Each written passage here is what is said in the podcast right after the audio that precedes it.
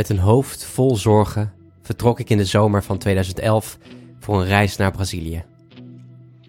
Ik nam een boek mee, aangeraden door een vriend. Denk groot en word rijk van Napoleon Hill. Het boek en de reis veranderden mijn denken en daardoor mijn leven. Meer hierover vind je in mijn boek Verlangen naar minder. Ik ben altijd nieuwsgierig gebleven naar verhalen van andere mensen. En dit was voor mij de aanleiding voor het starten van deze podcast. In de podcast één boek interview ik mensen die net als ik een boek hebben gelezen dat hun leven veranderde. In de derde aflevering praat ik met Linda Triest over het boek Haal meer uit je leven met mindfulness van Marisa Garau. We gaan terug naar juni 2016. Linda is 35, zit bij de dokter en krijgt het volgende te horen. Op het moment dat de arts zegt: Ja, ik heb slecht nieuws, je hebt borstkanker. Mhm. Ja, vanaf dat moment ga je gewoon vooruit in een soort van, eh, ja, ze noemt dat altijd survival modus. Nou ja, dat, dat klopt ook wel, dat is echt waar. Ik bleef maar piekeren en draaien in mijn hoofd. Mhm.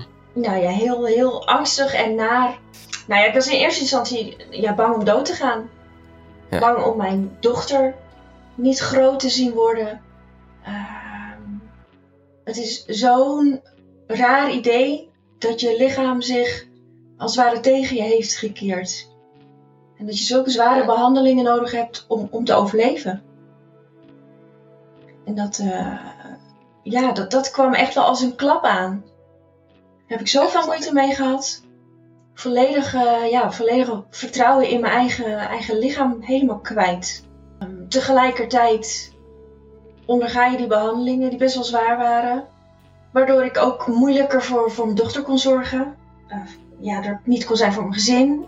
In de tussentijd werd ook nog ons nieuwe huis opgeleverd. Ehm, het is heel veel tegelijk. En doordat ik niet, kon, niet goed kon zorgen voor mijn dochter, in mijn ogen, dat ik haar niet alles van mezelf kon geven op dat moment, kreeg ik ook een ontzettend schuldgevoel.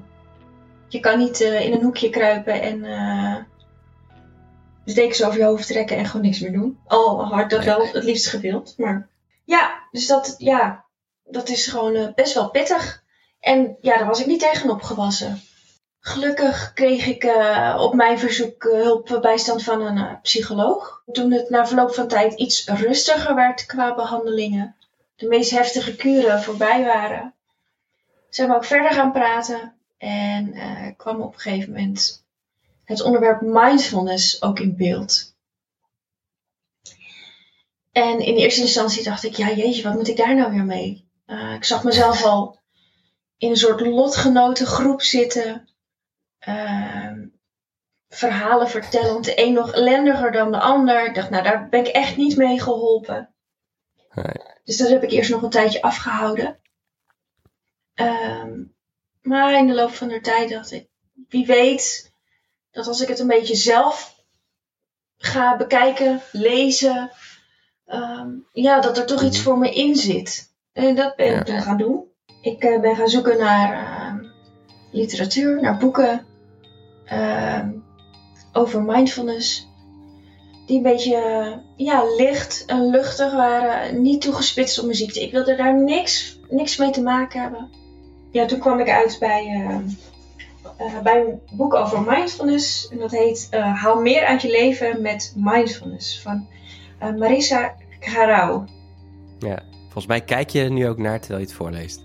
Naar het boek. Ja, ja ik, heb hem, ik heb hem voor me. Ik heb eh, op mijn e-reader. Die sleep ik Ja. overal mee naartoe. En er staat op de voorkant: beter in balans zonder zweverig gedoe. Ik dacht, nou ja, het is de moeite van het lezen waard in ieder geval. Want dat was, dat, daar was je ook een beetje, misschien een beetje bang voor. Voor, de, voor dat woe-woe, dat zweverige ervan. Ja, ik had er gewoon eigenlijk geen goed idee van. Ja, mindfulness, dat is zo'n Nee. abstract begrip. Wat betekent dat? Ja. Ehm, totaal onbekend. Niemand in mijn omgeving die daar nou echt mee bezig was. Dus ja, wat moet je daar dan bij voorstellen? Dus eh, aan de hand van de reviews die ik, eh, eh, die ik las, dacht ik, nou ja, laten we het eens proberen. Het is een boek wat eh, dus niks te maken heeft met eh, kanker of ziekte. Het is meer een, ehm, een verhaal van de schrijfster over hoe zij de mindfulness heeft gevonden. En over wat het nou eigenlijk is. Zonder inderdaad heel zweverig te worden. Het is vrij concreet. Mhm. Ehm, wel met anekdotes. Dat vind ik altijd heel erg fijn in een boek. Hm. En eh, toen ik dat las, ja, voelde ik een soort van herkenning.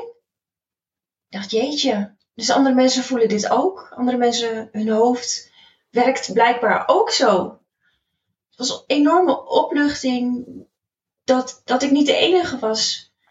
Waarvan van, van de gedachten en de gevoelens af en toe zo ontzettend op hol sloegen. Dat je Mhm. er niet meer uitkomt. Ik, ehm, ik heb het wel eens proberen uit te leggen alsof ik opgesloten zat met een soort ja, half doorzichtige glazen vissenkom op mijn hoofd. Waarin mijn gedachten en gevoelens constant rondstuiterden. Die bleven maar gaan als een soort pingpongballetje. Zonder dat ik dat kon stoppen. En ik kon Ja. door die half doorzichtige glazen bak wel naar buiten kijken. Wel Mhm. zien ja, dat het daarbuiten anders of beter was. Of in ieder geval rustiger.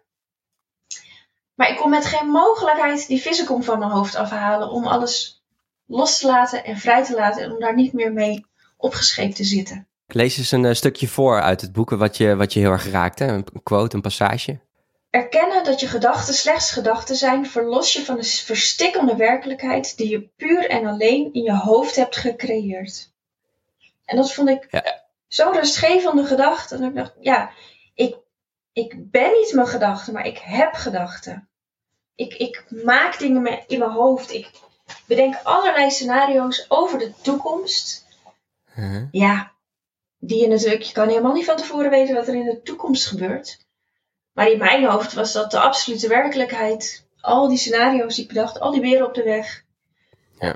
Ehm, Herkenbaar. ja, ja, en dat, nou ja, dat hielp wel om te lezen dat ik daar dus niet de enige in was. En dat, dat je daar mee aan de slag zou kunnen gaan. Dat vond ik zo'n opluchting. Die vissenkom kan af.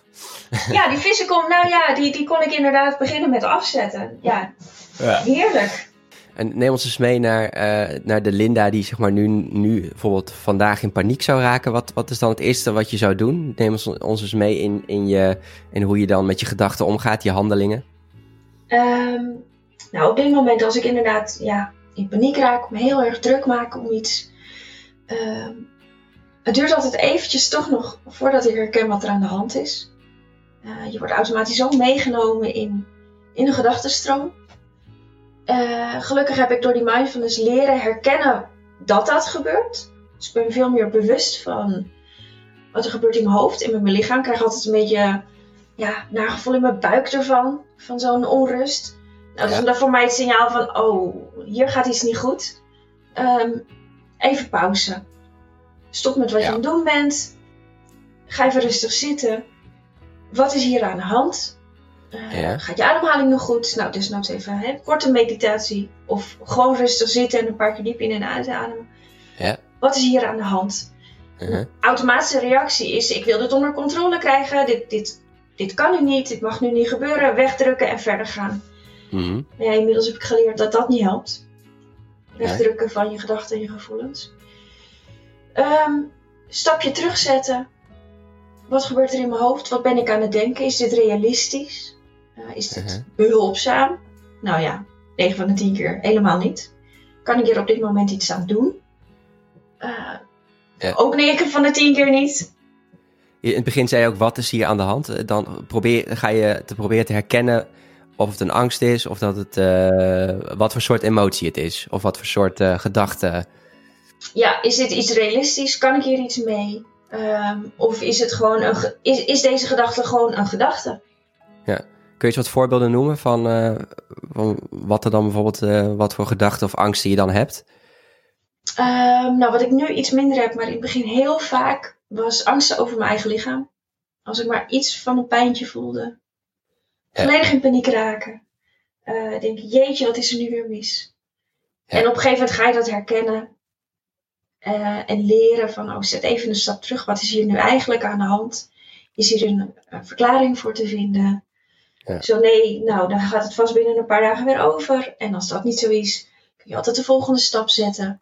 En eh, naar de dokter gaan. Ja, En hoef dus je een helemaal niet over in paniek te raken. Dat is iets wat iedereen heeft. Ja. Ja, ja heel normaal. Alleen dat Ja. raakte dan zo uit controle. Ja, moest ik mezelf echt weer binnenhengelen. En nu heb ik geleerd om, om die stap terug te zetten. En te bekijken wat er nou eigenlijk gebeurt in mijn hoofd en mijn lichaam. Ja. En daar dan eerst even rustig mee te zitten. Voordat ik meteen in een, in een reactie schiet. Ja. Mooi. En eh, oké, we waren dus bij die Linda die dan op die bank zit. Of even, even aan, het, eh, aan het goed aan het doorademen is. En ja, vast heeft gesteld wat het dan is. Eh, hoe gaat het dan verder? Ehm, nou, vaak lost het zich vanzelf op doordat ik de gedachte de gedachte laat zijn. Mhm. Eh, als het ware het, het stof wat is opgewaaid laten neerdwarrelen. Ja. Dat ook de kans geven. Niet meteen in een fight or flight modus schieten. Mhm.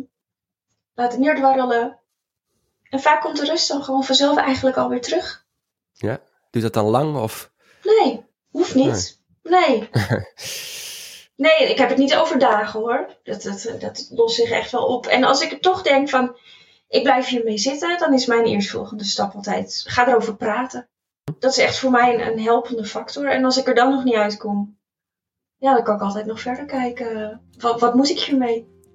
Ja. Maar eerst die afstand nemen. Eerst die afstand Ja. nemen. Eerst realiseren wat er gebeurt. Kijken eh, wat het precies is en wat ik er dan verder mee wil. Hoe gaat het nu met je qua gezondheid? Goed.